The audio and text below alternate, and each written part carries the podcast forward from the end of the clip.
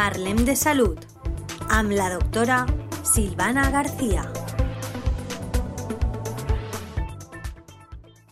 Buenas tardes oyentes de la Tegua Radio.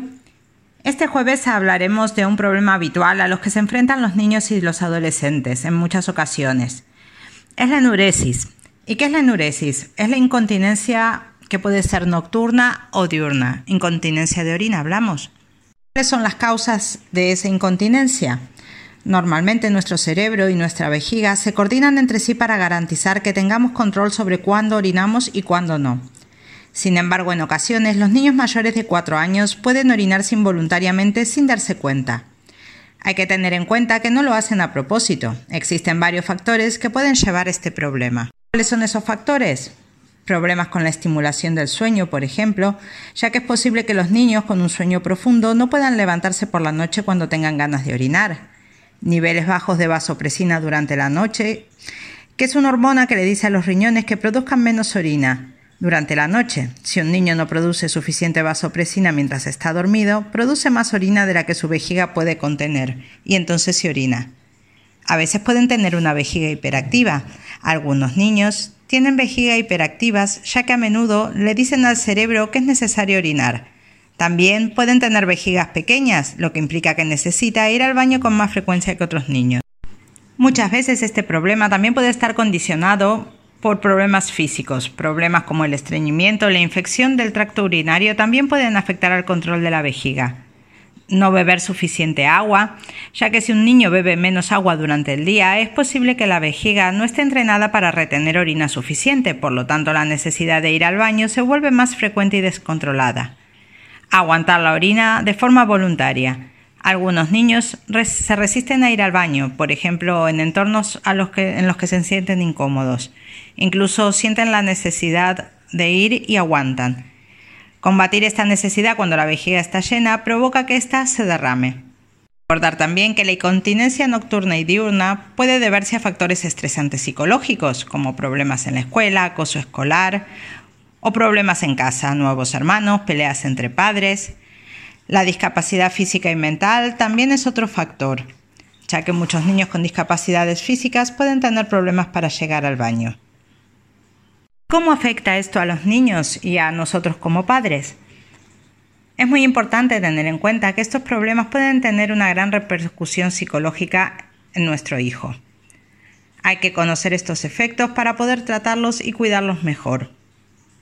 Los niños sufren un problema de incontinencia y pueden sentir un poco de vergüenza y marginación, ansiedad y estrés, baja autoestima y baja confianza en uno mismo. Esto conlleva a que algunos padres pueden experimentar una pérdida de confianza en sus habilidades como padres, frustrarse o enfadarse, sentirse culpables porque no pueden ayudar a su hijo. Debido a estos problemas, algunos padres limitan las actividades de su hijo, por ejemplo, excursiones escolares o fiestas de pijama en casas de amigos, lo que provoca que su hijo se sienta más aislado, o pueden castigar a su hijo a pesar de que no es su culpa.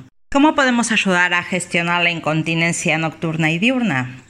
Bueno, tenemos medidas de autoayuda, como beber de 6 a 8 vasos de agua al día, ya que ayuda a entrenar la vejiga.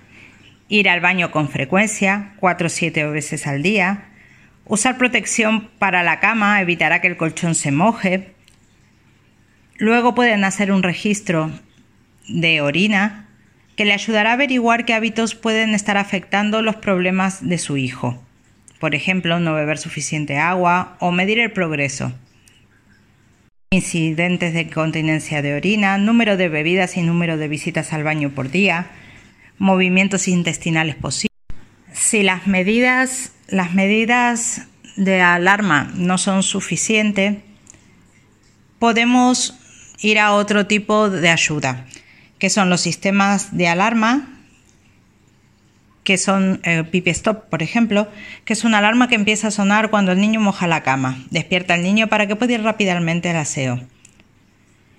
Dentro de la medicación pueden tomarse algunos medicamentos para regular la producción de orina y hacerla más controlable para la vejiga. No obstante, siempre hay que hablar con su médico para ver qué tipo de medicación puede tomar su hijo. Finalmente, ¿qué consejos y trucos podemos enseñarle a los niños?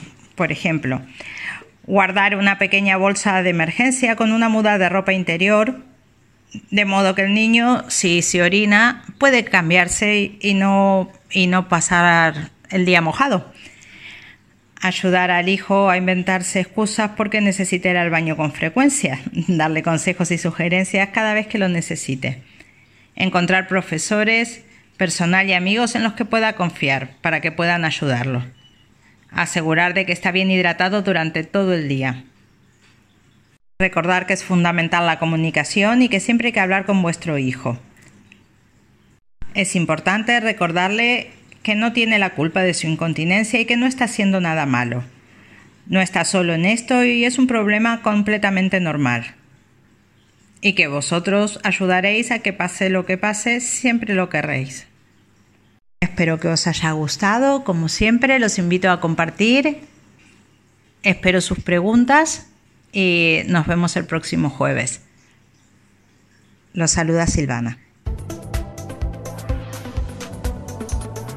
Parlem de Salud amb la doctora Silvana García.